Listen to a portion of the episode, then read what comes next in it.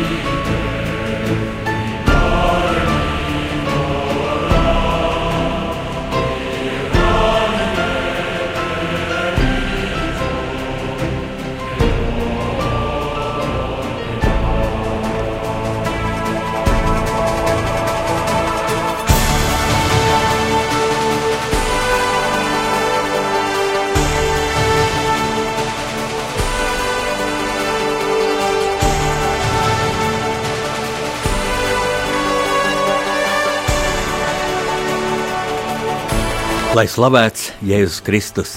Kopā ar jums, rādījumā arī Latvijas studijā, atkal ir rakstnieks Jānis Zudris. Tagad jau septiņu grāmatu, vairāk vēsturisku romānu autors. Mīļie kristieši, man ir šodien īpašs prieks tikties ar jums atkal pēc ilgāka pārtraukuma, tikties adventa laikā. Man patiešām žēl, ka es nevarēju ar jums runāt pirms divām nedēļām valsts svētku priekšvakarā bet Dievs liecinieks, ka es to tiešām nevarēju, jo es pirms tam 14. novembrī piedzīvoju ļoti zvērīgu tumsas uzbrukumu un vienkārši veselības stāvoklis man to neļāva. Man bija vajadzīgs miers mājās. Es esmu ļoti pateicīgs Radio Marija Latvija mm, saimēji, pirmkārt priesterim Pēterim Skudram par lūkšanām. Jūs iekļāvāt mani lūkšanās un mana veselība ir atgriezusies, esmu ar jums studijā un gribu tūdaļ runāt par pašu aktuālāko.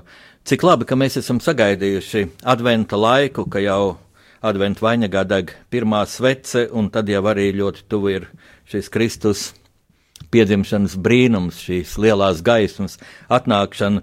Tumsai jāatkāpjas, jo manā pieredzē Un visas pasaules pieredzē šogad mm, šis tumsas laiks, laiks pirms adventa bija ļoti aktīvs, ļoti depresējošs, un mm, cilvēki par to ir satraukti. Un varbūt tie cilvēki, kuru vērtību sistēma nav balstīta kristīgajās vērtībās, uh, mm, cieši vēl vairāk, kā mūs, mēs, kristieši, noteikti vairāk, ja viņiem nav šī skaidrojuma, kāpēc tumsa ir tik aktīva, kāpēc pasaulē daudz kas notiek sliktākajā variantā, ja ir izvēle, kā Lielbritānijā pirms šī Brexit, ja, mm, kad Angļi varēja nobalsot vai nu mm, palikt Eiropas Savienībā un vienkārši veidot to labāku, vai aizcirs durvis, iet prom un pēc tam attopās. Daudzi saka, vai tas tā pa īstam bija, varbūt ka vēlreiz mēs varētu nobalsot. Tas tāds infantīlisms, kas var novest lielas valstis, lielas valstis savienības, varbūt pasauli mm, pie diezgan biedējošiem rezultātiem. Tagad daudz cilvēki pasaulē, arī Latvijā, ir satraukti par ASV prezidenta nesenajām vēlēšanām, par šo vēlēšanu nu, negaidīto rezultātu. Jāteic, arī man tas bija negaidīts, bet prezidents ir ievēlēts, tā bija amerikāņu tautas izvēle. Nu, tīri teorētiski varētu vēl būt tā, ka tomēr Trumpu neievēl, jo tas paradoks ir tāds, ka absolūtos skaitļos tomēr nedaudz vairāk balsis ieguva Hillary Clinton, bet tā kā Amerikas prezidenta vēl šī elektoru kolēģija un elektoriem nu, ir pieņemts, ka viņiem ir jābalso tā, kā jābalso. Nu, kā nu tā štatā tas ir iznācis. Um, var jau būt, ka šie elektori sadumpotos, cik es zināju, Amerikas Savienotajās valstīs iet tāda kampaņa iespaidot šos elektorus, bet es domāju, tas ir tīri teorētiski. Es gribu teikt arī labo vēsti, ka nav tik briesmīgi tas, kā izskatījās priekšvēlēšanas aģitācijas kampaņā, jo mm, ASV prezidents jau tagad viņš ir sasniedzis savu mērķi, jaunais prezidents Trumps. E, viņš ir ievēlēts, un viņš ļoti krasi ir mainījis savu retoriku, nav vairs šie mm, tukšie solījumi, uh, Viņš jau mācās arī izmantot brīnišķīgo iespēju paklusēt, kā kādreiz labi teica Francijas prezidents Žaks Širaks, izmantojiet lielisko iespēju paklusēt. Ir tādas dzīves situācijas, ka to tiešām vajag darīt. E, prezidents nav viens, viņam būs komanda, komandā būs profesionāļi, tai skaitā mm, federālā izmeklēšanas biroja, centrālās izlūkošanas pārvaldes vadītāji, kuru rīcībā ir uh, ļoti konfidenciāla, ļoti būtiska informācija gan par Krievijas plāniem, gan par pasaules spēku samēru pasaulē kuri prezidentam šī informācija cels priekšā, un gluži vienkārši nu, viņš nevarēs tā bezatbildīgi rīkoties. Nu, Latvijā daudz baidās par to, lūk, ka Trumps ir teicis, ka Amerikas Savienotās valstis neaizstāvēs šo Baltijas valstis un Un tagad vesela virkne dažādu mm, Amerikas bruņotajiem spēkiem atval, atvaļinātu ģenerāļu, kam savos pensijas gados nav nekā tā īpaši ko darīt, raksta memoārus un komentārus, kad jo Amerika neaizstāvēs. Redziet, Amerika ir NATO spēcīgākā valsts, bet ne jau vienīgā valsts, un Amerika neatkarīgi no tā, kāds ir prezidents šobrīd un kāda ir prezidenta attieksme, ir parakstījis saistības, kas ir obligāts visām NATO valstīm, un šis piektais NATO statūta paragrāfs, tas attiec uz Ameriku neatkarīgi no prezidenta nostājas. Bez tam būsim precīzi, Amerikas prezidents nekad nav teicis, kad, eh, kad jau pēc definīcijas Amerikas Savienotās valsts neaizstāvēs citas.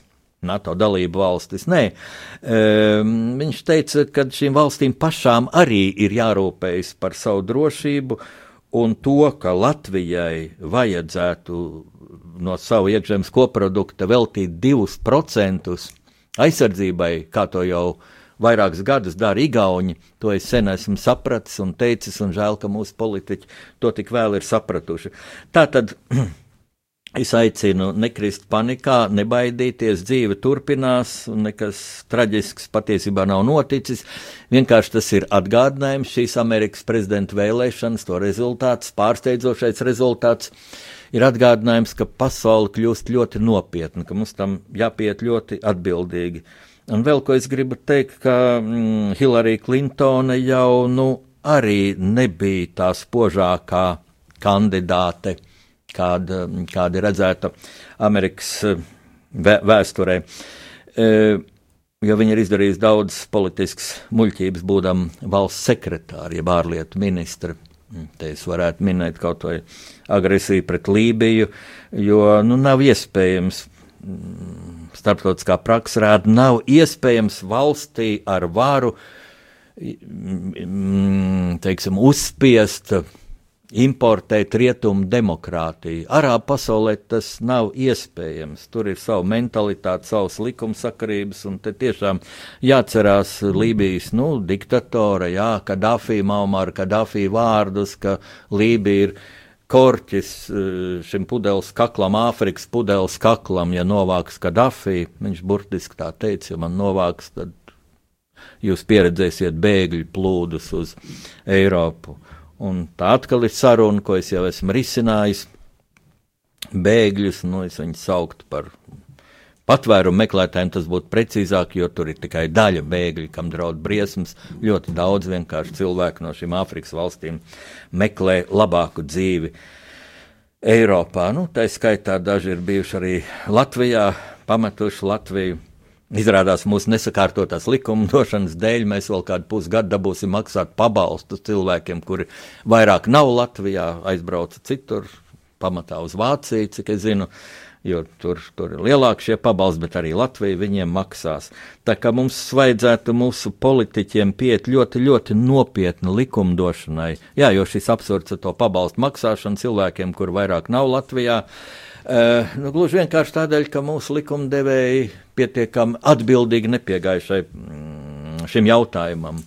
Uh, mēs, tie, kas neesam politikā, ja, vienkārši nedrīkstam arī pieļaut tādu vienaldzību, tādu paviršību no saviem likumdevējiem, no saviem politiķiem. Prasīsim viņiem, atcerēsimies viņu kļūdas, viņu muļķību nākamajās vēlēšanās. Un te atkal es varu tikai apelēt pie jauniešiem, jaunieši, veidojiet savas partijas, savu mm, patriotisku kustību, startējiet nākamajās vēlēšanās, pašvaldību vēlēšanās, pēc tam saimnes vēlēšanās, ņemiet Latviju savās rokās, jo redzams, ka mana paudze, ir vecākā paudze, arī vidējā paudze, tie cilvēki, kuru dzīves liela daļa, lielākā daļa pagāja padomju okupācijas apstākļos nebrīvēja, ka viņi ir faktiski savus resursus izsmēluši, ka viņu vēr, vērtības sistēma tomēr nav tik spēcīga, lai tā droši redzētu stabilu Latvijas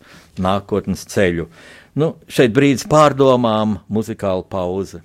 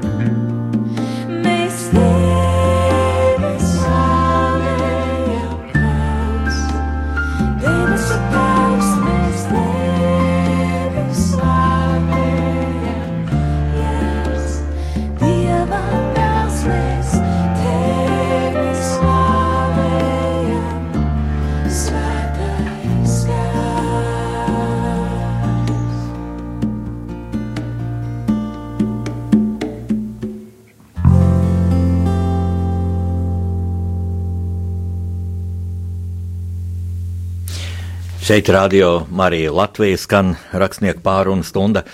Pasaules tulkošana, mīļie draugi, es gribu atgādināt, ka radio Marija Latvijas darbs ir balstīts uz brīvprātības principu. Cilvēki šeit strādā bez atlīdzības, un mums darba turpināšanai un izvēršanai plašumā, dziļumā ir ļoti svarīgi arī jūsu ziedojumi. Tādēļ es atgādināšu ziedojumu tālruni 900 0 6, 7, 6, 9, 9, 0, 0, 0, 6, 7, 6, 9.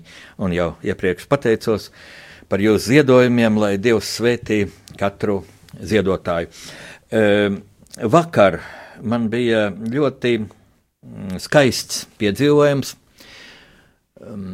Tas man ir katru gadu. Es biju Nacionālajā aizsardzības akadēmijā melnās kafijas vakarā. E, daudzi Latvijā zina šo skaisto tradīciju, bet ir arī cilvēki, kas joprojām jautā, kas tas ir. Tad, lūk, es atgādināšu. Tradīcija sākas ar 1919. gadu, kad Latvijas armijai, jaunajā Latvijas valstī, vēl Latvijas valstī bija mazāk par gadu, uh, bija jāizstāv savu neatkarību pret ārkārtīgi spēcīgu, profesionālu karā pieredzējušu, labi bruņotu armiju, pret Bermuda Avālovu armiju, kas no Jālgavas pienāca pie Rīgas, ieņēma pārdaugavu, un kurš mūsu armijai izdevās apturēt Daugavas krastos. Situācijas bija dramatiskas, no šejienes arī Latvijas diena, jo mūsu bruņoto spēku štābs izstrādāja ļoti gudru mm, uzbrukuma operāciju. E, kas daļēji nu, tādā mazliet naivā, bet ļoti aizkustinošā veidā parādīta filmā Rīgas sargi. Protams, to operāciju izstrādāja ne jau mm, jauni puiši, bet, bet pieredzējuši karā, Pirmajā pasaules karā pieredzējuši un, un, un augstas militārās akadēmijas beiguši ģenerāļi. Uh, izstrādājuši operāciju. Tātad it kā viens uzbrukums pāri Daugaus tiltiem uz Torņkalnu no Rīgas centra, bet patiesībā galvenie latviešu spēki ir pārcēlušies pār Daugau jau Daugau grīvā un, un no, no jūras puses nāk un uzbruk Rīgai mm, bermontiešu spēkiem pārdaugavā. Mm, pēc tam, kad sākām vajāt bermontiešus, Sīvas kaujas bija arī tagadēji Ozolnieku novadā pie vareļu mājām, arī pie Daugos tiltiem, un šajās kaujās krita vairāki jaunās Latvijas kara skolas kadeti. 14, 14 kadeti krita. Eh, dzīvi palikušie pārnāca Rīgā kara skolā novembra pēdējā dienā, 30. novembrī. Viņi bija pārguruši, nosaluši, izsalkuši, viņi gribēja ēst.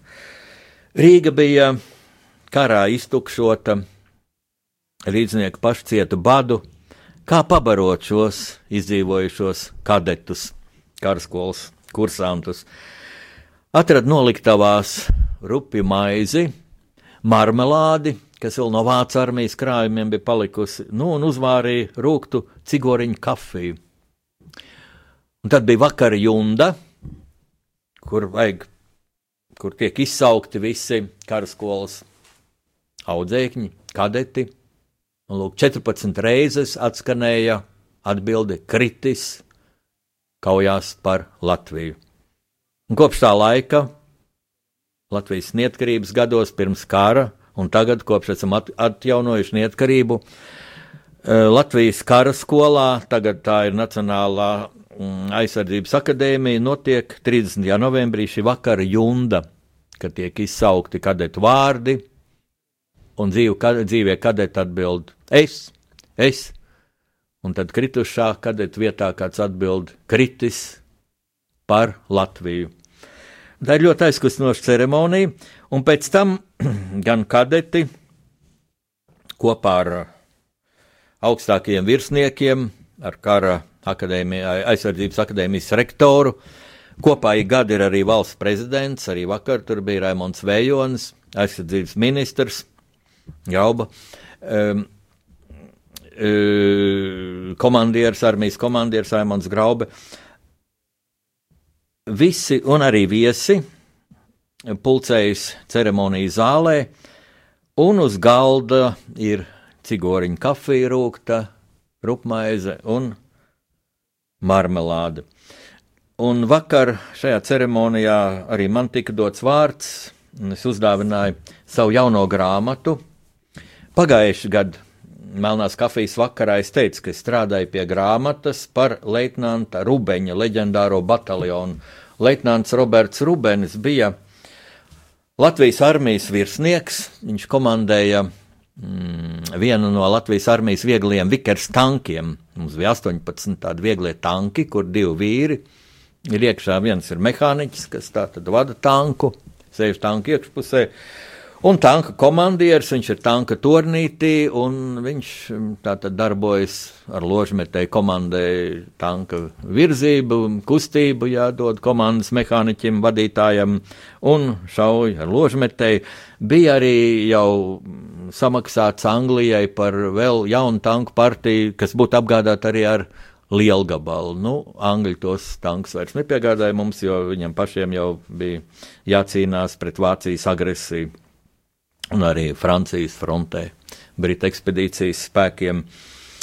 Nu, lūk, šogad tātad es gāju ar, ar izpildītu pienākumu apziņu, nesu aizsardzības akadēmijai uzdāvināt savu grāmatu, un tur bija ļoti iedvesmojošas runas. Pirms manis runāja valsts prezidents, runāja aizsardzības ministrs Bergmanis, runāja mūsu bruņoto spēku komandieris Raimons Graube. Interesanti, ka visi trīs viņi ir Raimonds, Raimonds Vējons, Raimonds Bergmans, Raimonds Graubija.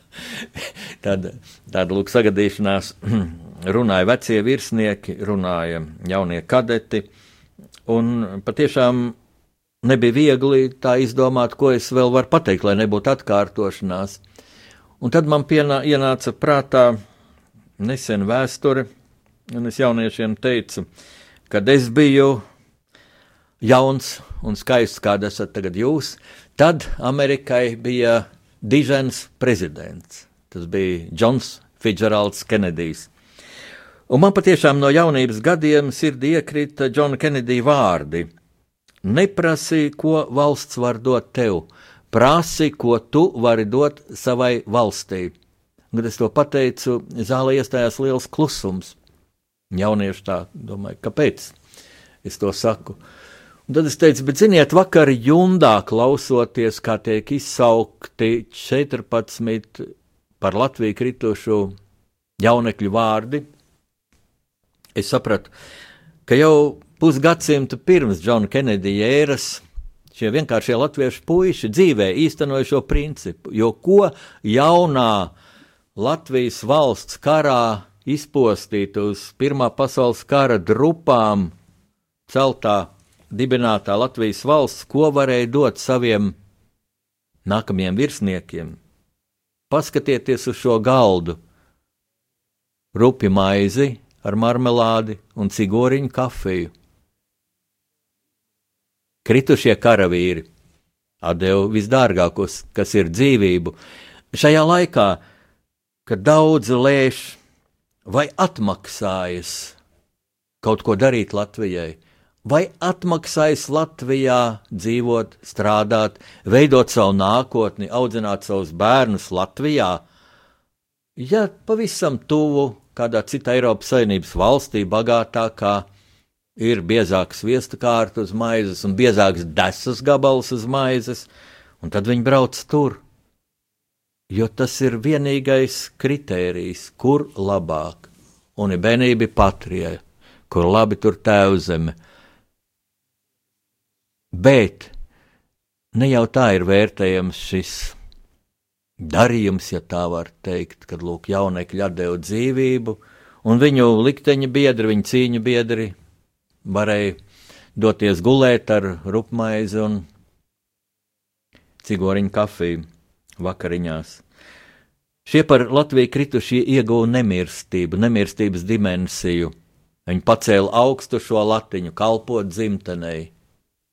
Mēs esam viņiem parādā. Kad es šos vārdus runāju, bija ārkārtīgi dziļš klusums zālē, un es redzēju šo jauniešu sejas. Jauni puiši, diezgan daudz arī jaunas meitenes. Kādēļ tu tērpos? Es sapratu, ka viņiem ir ļoti svarīgi šie vārdi. Un tad vēl es teicu tā, ka pirms manis te daži runātāji tā izmeta, jums ir jābūt gataviem mirt par Latviju. Bet, kad es rakstu savus vēsturiskos romānus, es esmu iedziļinājies karu gaitā, karu dialektikā, un atļaušos teikt, ka šajā karā, kurš jau pēc dažu, dažu domātāju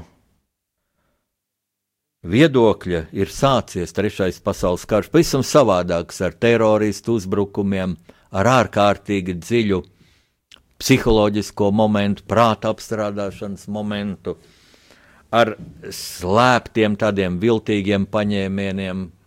Šeit jāmin Krievijas agresija pret Ukrainu, kad Krievijas valdība paziņo, nē, mēs tur nekarojam. Nu, ja kādu Krievu karavīru virsnieku tur atrod, nu, viņš pats, kā saka, brīvprātīgi savās brīvdienās aizbrauc tur pakarot, ja, kā tur nokļūst moderni Krievijas armijas ieroči, nu, nu diez to zina, kā nokļūst. Nu, lūk, tāda tā pozīcija, ar to jārēķinās, ar to jārēķinās visām valstīm, kas robežojas ar Krieviju, nu, arī Latvijai jārēķinās ar šādu variantu.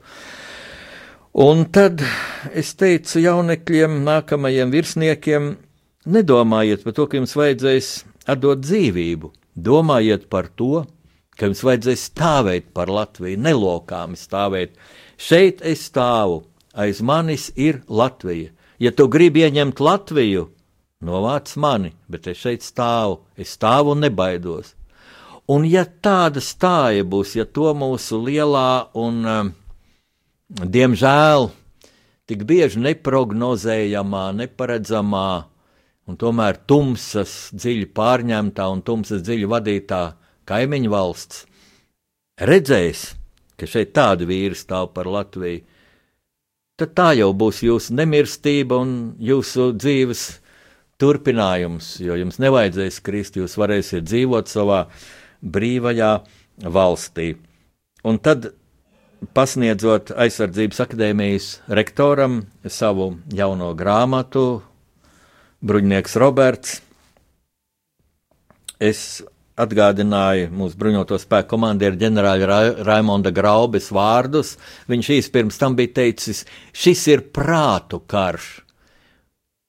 Karš par cilvēku prātiem, par cilvēku sirdīm, par cilvēku vērtību sistēmu, par uzticību savai valstī.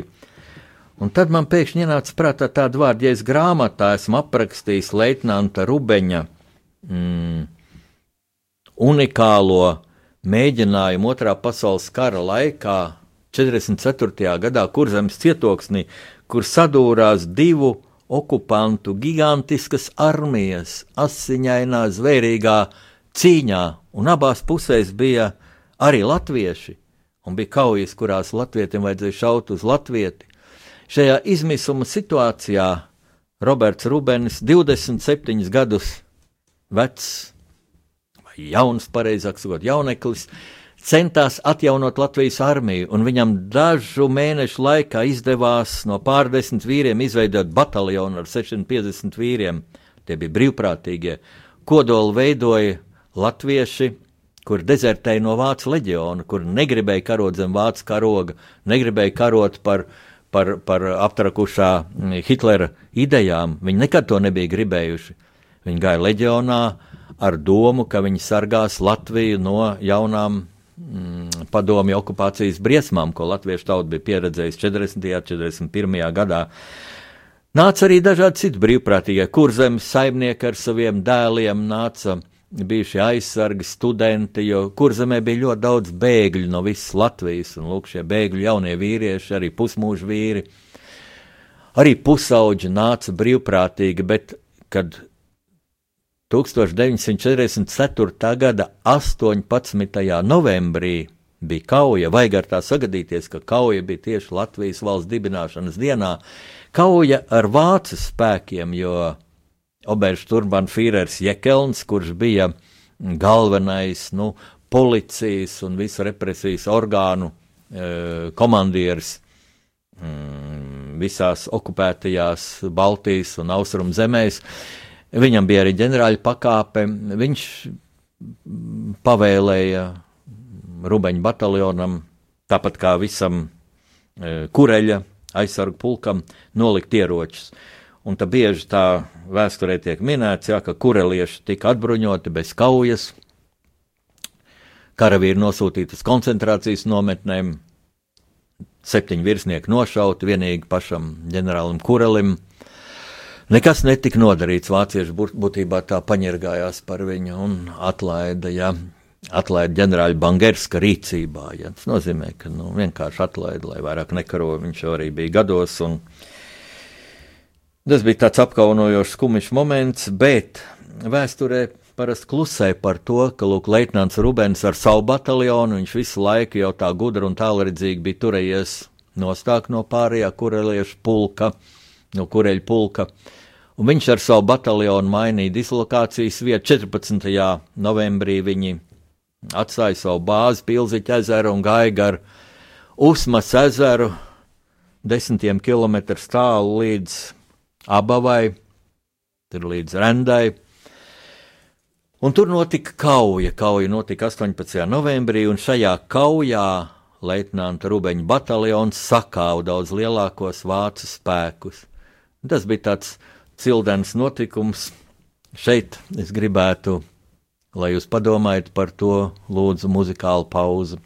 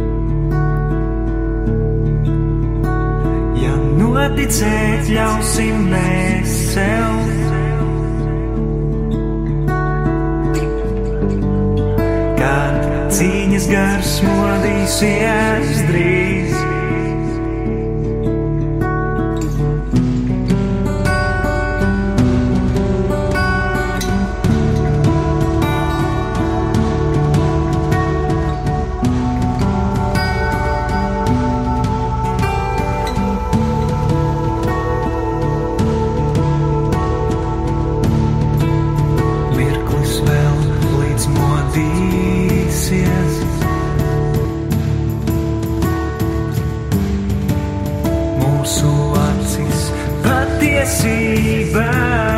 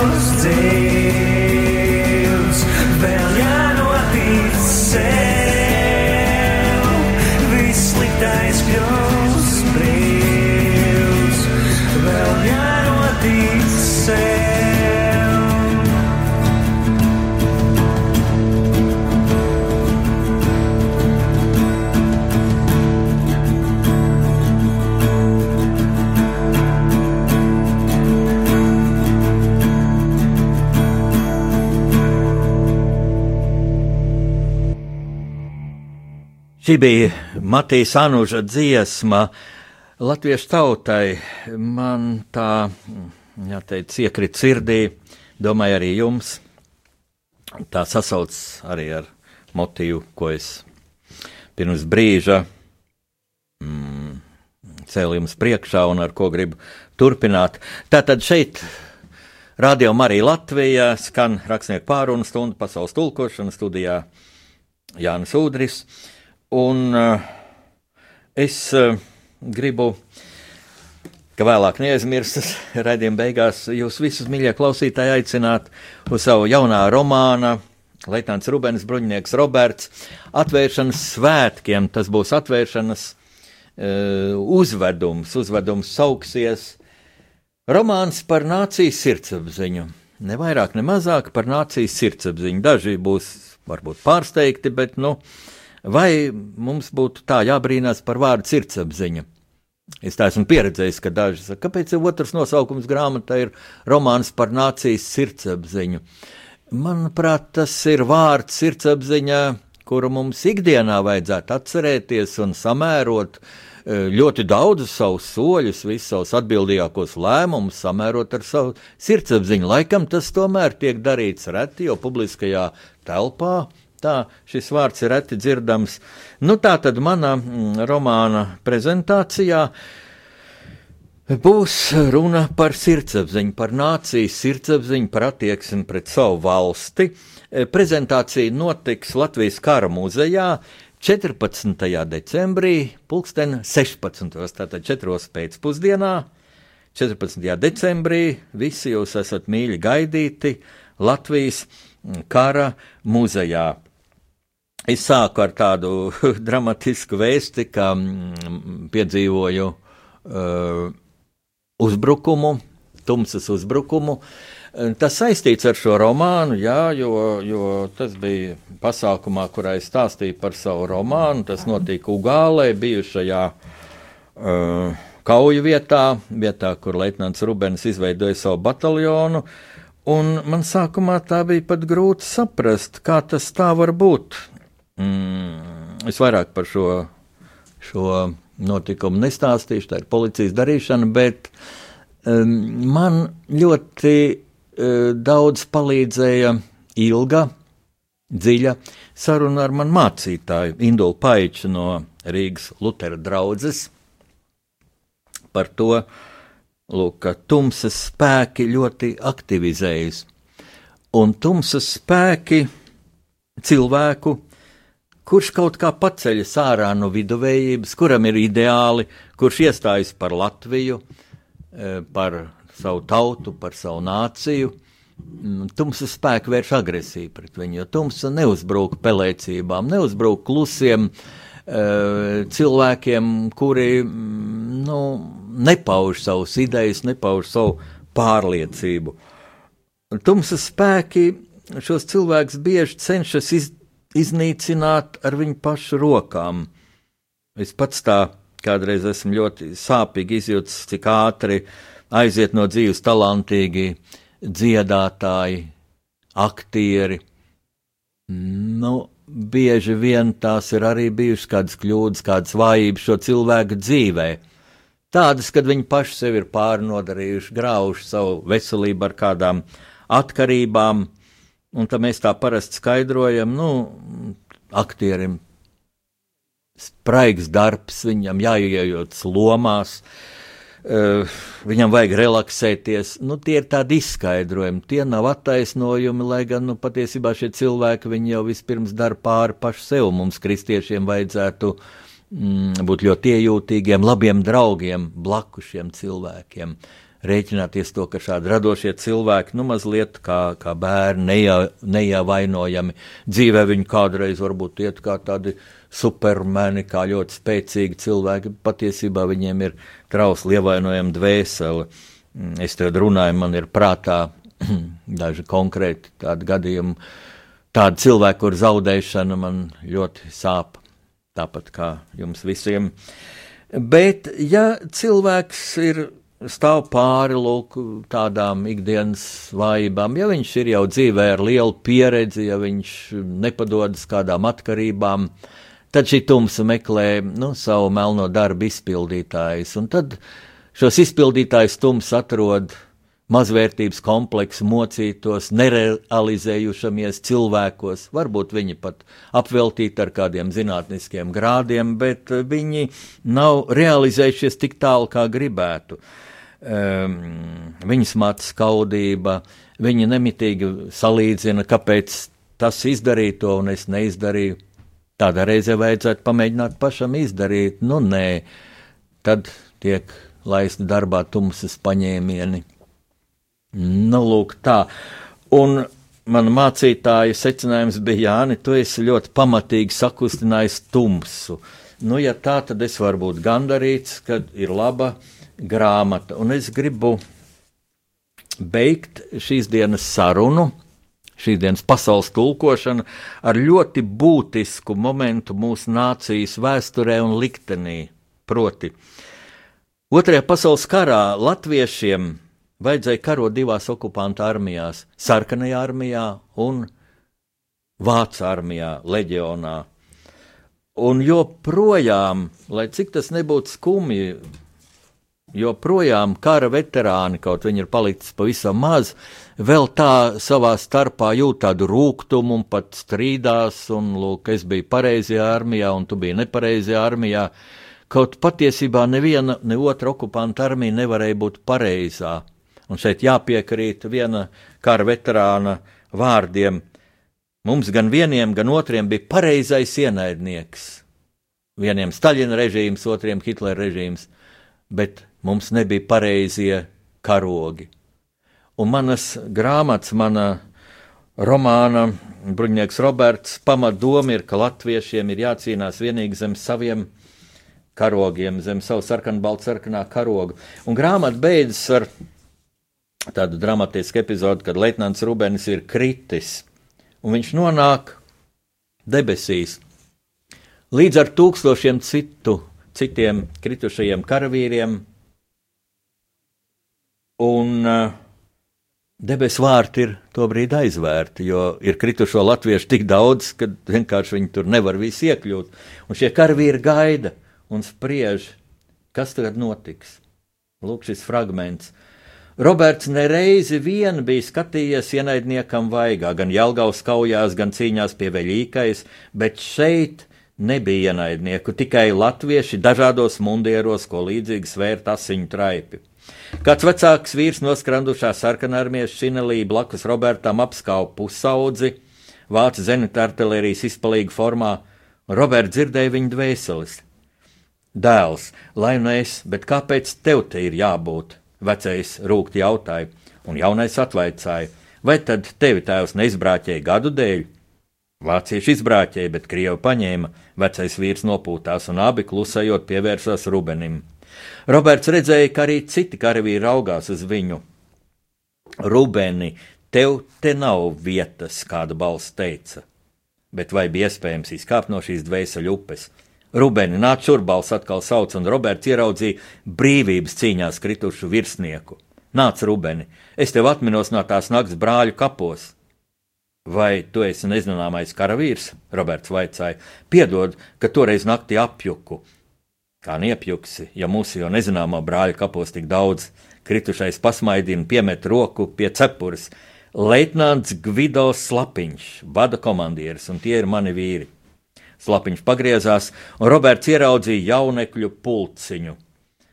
Viņiem visiem sejā bija pārgalvīgs izaicinājums. Mēs pirmie sākām uzbrukumu Bermontiešiem Turnkalnā, lai ļautu mūsu galvenajiem spēkiem uzbrukt no Daugaugrīvas puses. Aiz slapiņu vīriem Roberts skatienām pavērās tāda kā karavīra nometne, mazliet līdzīga viņa bataljona atpūtas vietai smagajā nakts pārgājienā. Vai arī šeit nedrīkst kurināt ugunskurus, viņš pavaicāja, bet slapiņš rāmā atbildēja: šeit nesalst. Tikai daudz baidās, ka neiekļūs, jo karojuši par svešiem. Kur neiekļūs, Roberts nesaprata. Zināma lieta, kur slapiņš pamājas priekšu, kur bija gājušas karavīri rindas, iekšā. Roberts brīdi vēroja vīrus. Arī šeit, tāpat kā pirms brīža redzēto ceļnieku rindās, leģionāri mijās ar sarkanarmiešiem, un neviens par to nebrīnījās. Caur miglas vāliem Rubens saklausīja aprautas frāzes.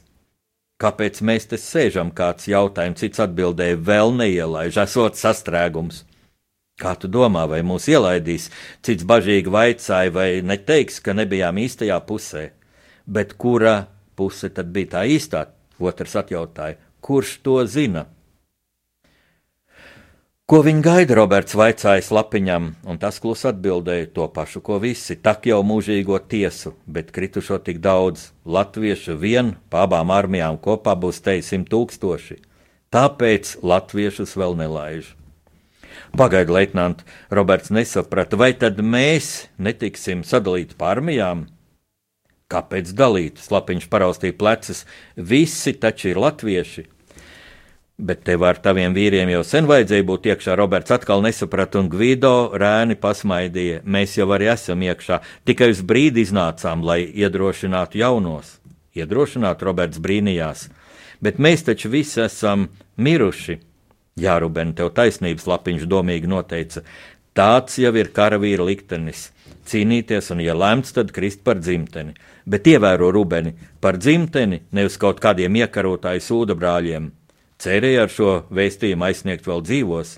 Tikai Latvija ir mūsu dzīvības vērta, to es gribēju pavēstīt. Tomēr laikam jau nesaņēmāt man vēstījumu, ja tik daudz vilka svešos mundierus un daudz pat brīvprātīgi aizgāja karot par svešajiem. Tikai tu, Rubeni, un tavi vīri sadzirdēja, slapiņš pasmaidīja. Bet kā tur ir? Nu, tur, kur tu jau biji, Roberts gribēja zināt, bet slapiņš papurnāja galvu. Gan pats redzēsi. Tur karavīriem beidzot ir miers. Vai tā būs ar visiem šiem vīriem? Rubens pārlaid skatienu karavīru rindai, kam neredzēja ne gala, ne malas. Viss dieva ziņā slapiņš atbildēja. Dieva ziņā Ruba, Rubenis domīgi atkārtoja, bet saki, kāpēc Dievs mūsu tautai lēmis tik baisu likteni? Kur Dievs bija mūsu lielās kļūdīšanās laikā, kad devām savu zemi, nolemjot Latviju vīrus karošanai svešās armijās. Ko darīja Dievs, kamēr kurzemes frontē brālis šāva uz brāli un dēls uz tēvu? Roberts lielā sāpēs vaicāja, un slapiņš klusi atbildēja: Dievs tikmēr raudāja. Raudāja. Roberts atkārtoja, vai tad Dievs arī raud?